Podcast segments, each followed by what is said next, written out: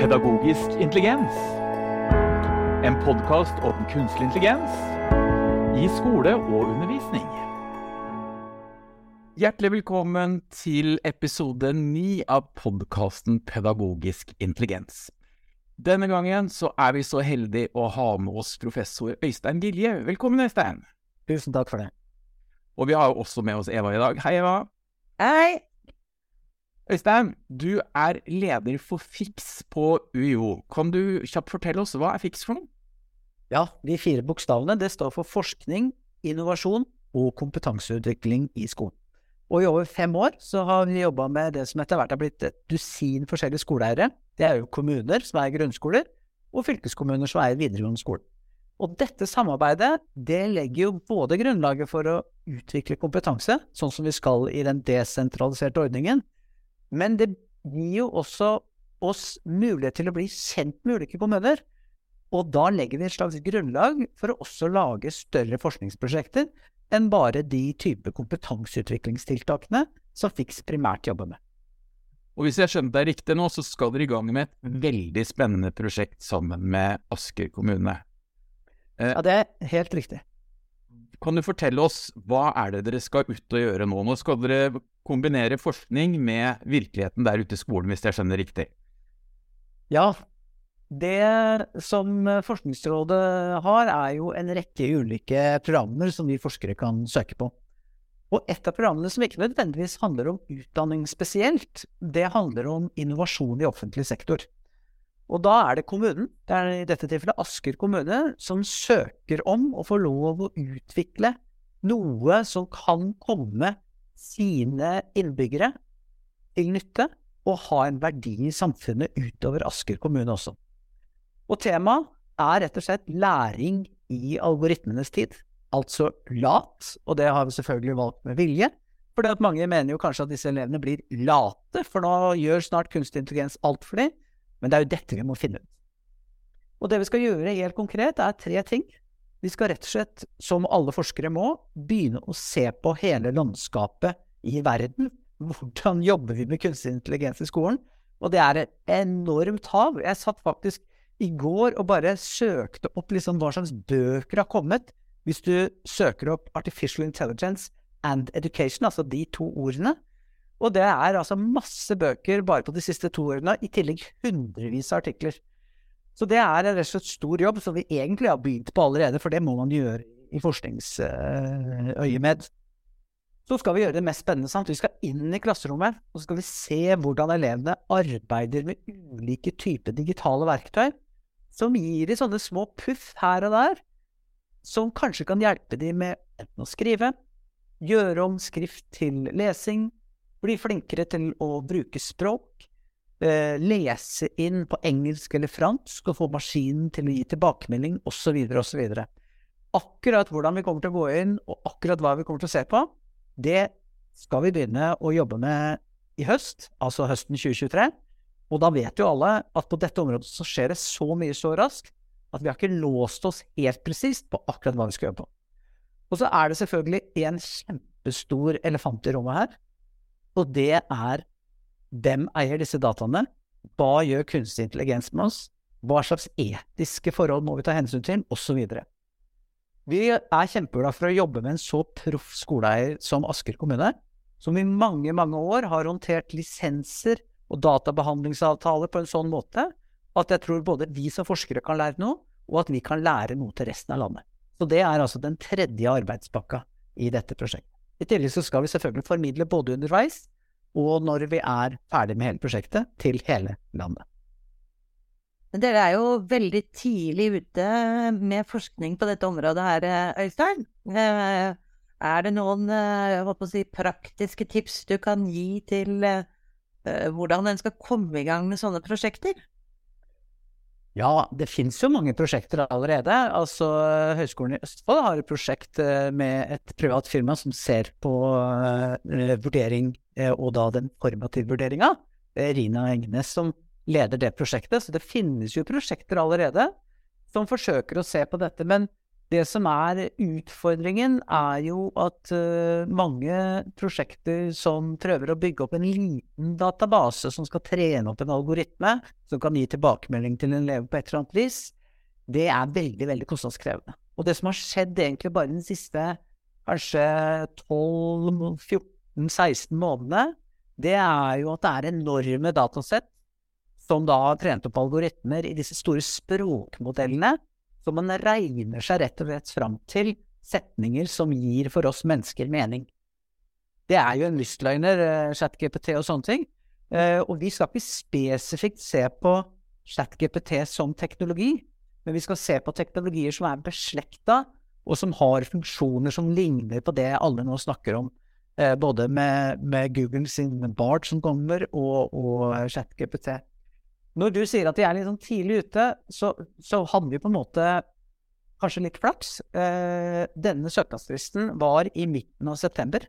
Og da vet alle at det var sånn ca. to måneder før alle begynte å snakke om ChatGPT. Eh, og derfor så er det helt naturlig ikke skrevet inn i denne søknaden. Men vi har eh, med Asker kommune, pga. noen såkornmidler, som vi kaller det, fra Det utdanningsvitenskapelige fakultet, så har vi jobbet med et lite prosjekt som heter School Artificial Intelligence and Learning, altså SAIL.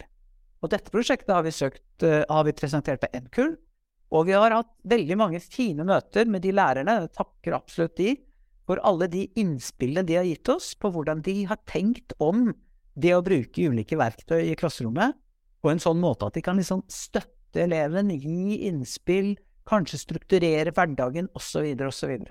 Så den som har lyst til å se litt på hva vi allerede har gjort, de kan google på YouTube Sail på mitt navn, f.eks. Gilje, og da finner de presentasjoner av dette prosjektet. Og med de, eh, hva skal vi si, eh, såkornmidlene som gjorde det mulig å lage et forprosjekt som endte i et seminar vi hadde i mai i fjor, hvor alle de store selskapene var med, Google, Microsoft og Apple, så starta vi altså med Asker kommune å skrive opp denne søknaden som vi leverte i september, og som vi fikk vite nå i midten av februar at vi har fått sju millioner fra Forskningsrådet, og så legger universitetet og Asker kommune også til sammen sju millioner på bordet. Så her blir det noen spennende doktorgradsstillinger som det går an å søke på om ikke så altfor lenge. Det høres veldig spennende ut, men før du skal få fortelle mer om akkurat dette med læring i algoritmens tidsalder, eh, for kommuner som kunne tenke seg å få i gang lignende prosjekter, er det én ting du på en måte vil trekke fram som de bør tenke på? Ja, bare én ting er litt vanskelig. Hvis jeg får lov å ta to, så er det greit. altså, for det første så har vi over 350 kommuner i Norge. Eh, det krever et visst apparat. Men la oss si at enten man lager et interkommunalt samarbeid, som veldig mange har allerede, fordi at de får kjøpt inn billigere læremidler hvis de på en måte bestemmer seg for det samme læremiddelet. Eh, da kan man begynne å tenke ok, kan dette interkommunale samarbeidet også være rettet mer mot det å begynne å lage forskningsprosjekter? Og da er det disse to tingene her. Det ene er tid. Altså, sammen med den partneren du ønsker fra universitets- og høyskolesystemet, så er du nødt til å både utvikle en omforent forståelse om hva du vil, og du må ha bygd et samarbeid over tid. Og da er egentlig den ordningen desentralisert kompetanseutvikling fin. Den har i seg selv ingen forskningsmidler, men på grunn av det samarbeidet som har oppstått, og det er dette vi har sett i Fiks over mange, mange år, så er det mulig å lage forskningsprosjekter. De skal ikke være superstore, men da får man altså en helt annen systematisk dokumentasjon av hva man jobber med. Så altså, tid må man sette av. Du kan ikke ringe til din partner i desentralisert kompetansearbeid og si du, det er en søknadsfrist om tre uker, kan vi legge inn en søknad? Det ville jeg ikke anbefalt nå. Det andre er at den forståelsen av prosjektet som søknaden skal bære med seg inn til de som strengt skal vurdere om dette kan få penger, den må ha et språk som både de i kommunen og forskerne kan stå inne for og forstår. Og da kommer selvfølgelig tidsspørsmålet opp igjen. Det tar ganske lang tid. Eh, og vi har brukt eh, helt sikkert flere arbeidsuker bare i møter med Asker kommune for å gjøre dette arbeidet så godt som mulig. Og da viser det seg at det var godt nok. Ja, og så tenker jeg det her at dette prosjektet, eh, Læring i algoritmens tid, den, det er jo eh, jeg holdt på å si både kortvarig og langvarig, litt hva slags eh, kalender man bruker, men eh, man må forske over tid.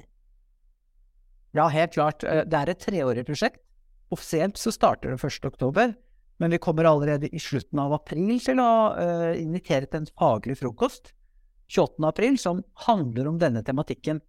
Eh, når vi da forsker over tid, så er det som jeg prøvde å si innledningsvis, først å skaffe seg en oversikt over hvordan man ønsker å bidra, og ikke minst hva slags forskning som er gjort tidligere som er relevant for oss.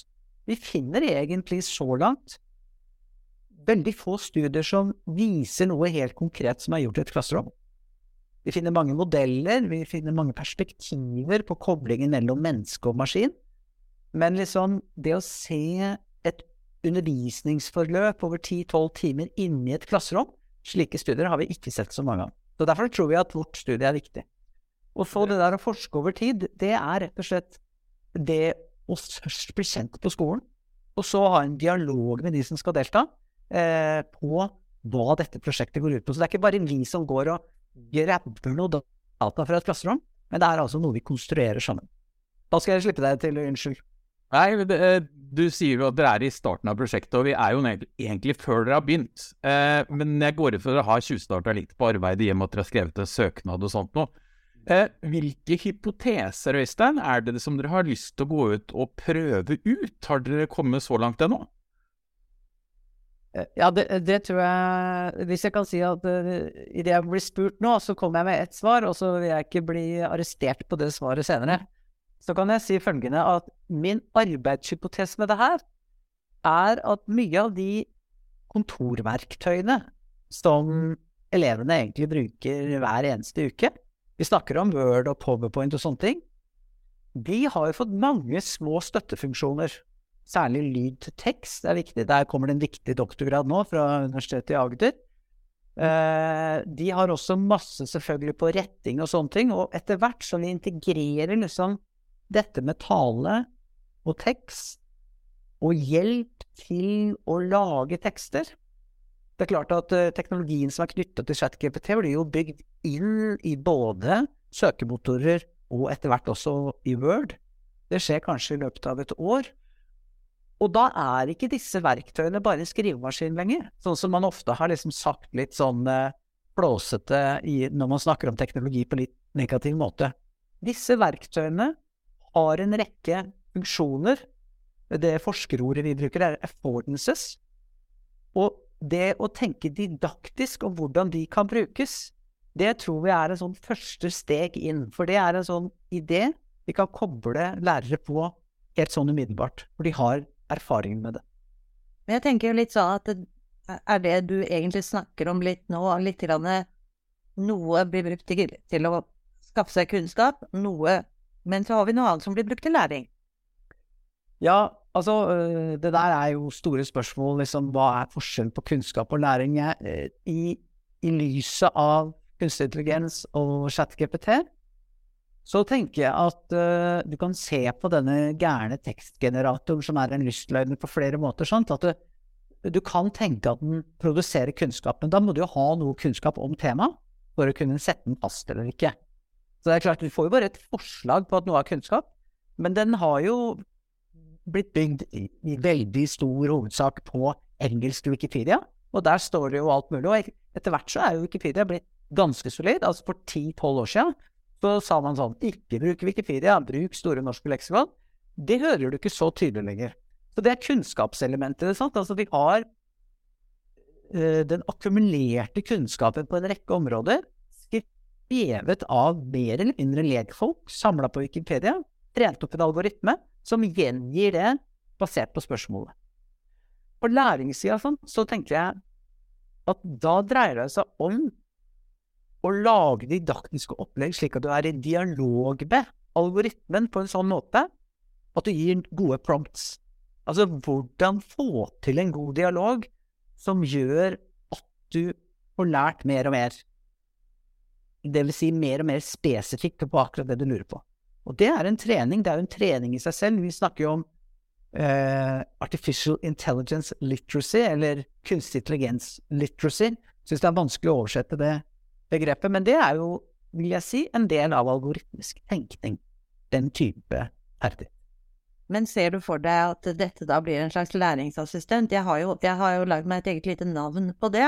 Jeg har kalt den for Maya, og det står for My Artificial Intelligence Assistant. Ja. Eh, Det er ikke dumt, det. er, det, er det noe sånt du, du tenker at, eh, at kunstig intelligens skal uh, virke overfor elevene? At de skal på en måte få en, en pedagogisk støttespiller, på en måte? Eller er det bare på en måte en, en litt avansert leksikonfunksjonalitet?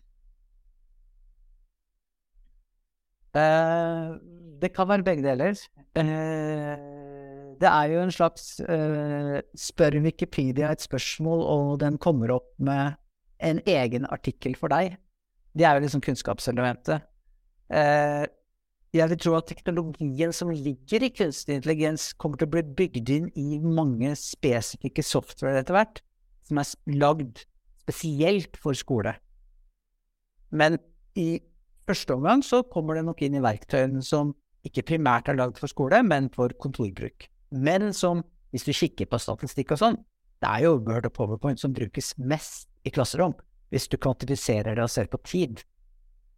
Det er jo såpass mange som er eh, urolige nå om dagen i forhold til dette med kunstig intelligens, og jeg hørte uttrykket at man vi må passe på så ikke vi blir intellektuelle slappfisker, fordi vi får eh, ting så lett tilgjengelig eh, framover.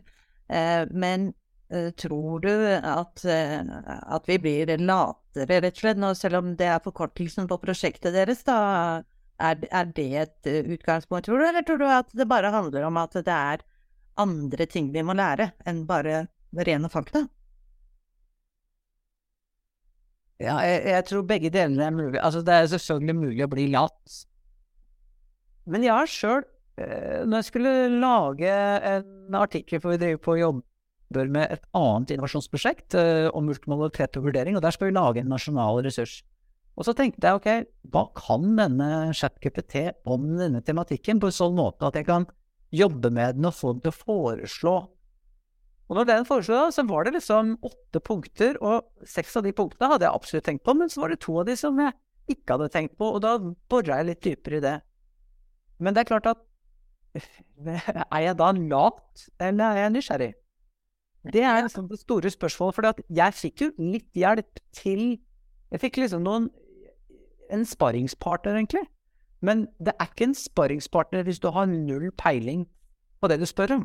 Og det er jo der problematikken ligger, sant. Fordi at eh, den der eh, short eh, Ta en sånn short trick. Det ligger jo på at man ikke kan noe om det, ikke har noe tid, men har en oppgave å levere i morgen.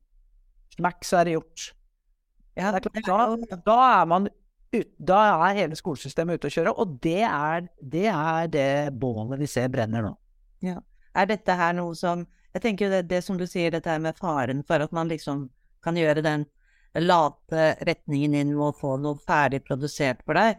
Eh, for, så, hø- så skjønner jeg at du sier det at det, det er veldig vanskelig å gjøre det, med mindre du egentlig har ganske mye fagkunnskap fra før. Eh, Ja, eller har en lærer som didaktisk kan tenke om hvordan du skal bruke algoritmen. Riktig. Eh, men jeg tenker også det andre store spørsmålet som er i Skole-Norge om dagen, er om det er noe som dere skal belyse i dette prosjektet, og det er jo det kjempestore spørsmålet vurderingspraksis. Eh, det er jo to forskjellige deler av vurdering. Sant? Det er den summative, og med prøver, og plutselig så sier UDIR at nå er det ikke åpent internett på disse prøvene lenger og sånn. Det det er noe vi ikke skal inn i. Men den formative vurderingen, det å få tilbakemelding, det å jobbe med teknologien på en sånn måte at det kan gi deg små hint om hvordan du kan bli bedre, altså ta over noe av lærerens funksjon. Ripo leser en veldig bra artikkel nå som viser dette på seks ulike nivåer.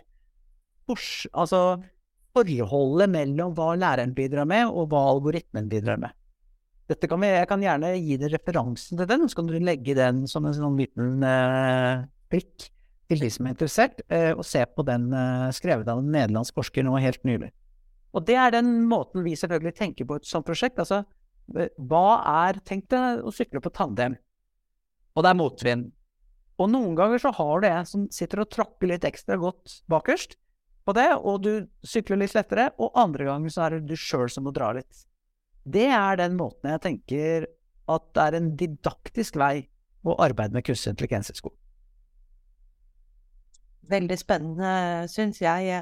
Eh, jeg har egentlig bare liksom litt sånn et avslutningsspørsmål fra min side, og det er litt sånn um, hva, hva, drømmer du om, Øystein, at dette skal gjøre med undervisningspraksis? Har du, har du tenkt noe på det, eller tør du å, å tenke noe om det? Uh, ja, det gjør jeg. Uh, vi har lovt faktisk i søknaden at vi skal lage en didaktikk for å jobbe med kunstig intelligens.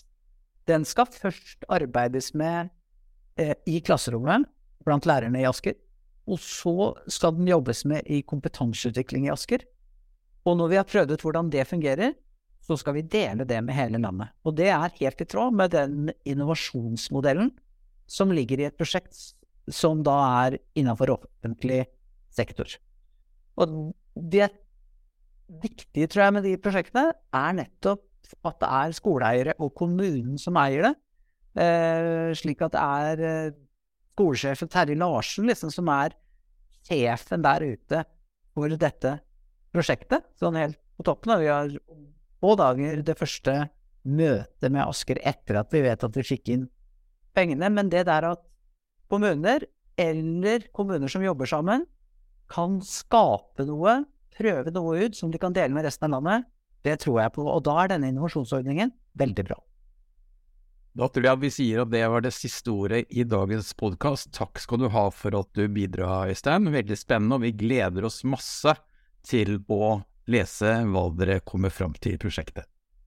Tusen takk.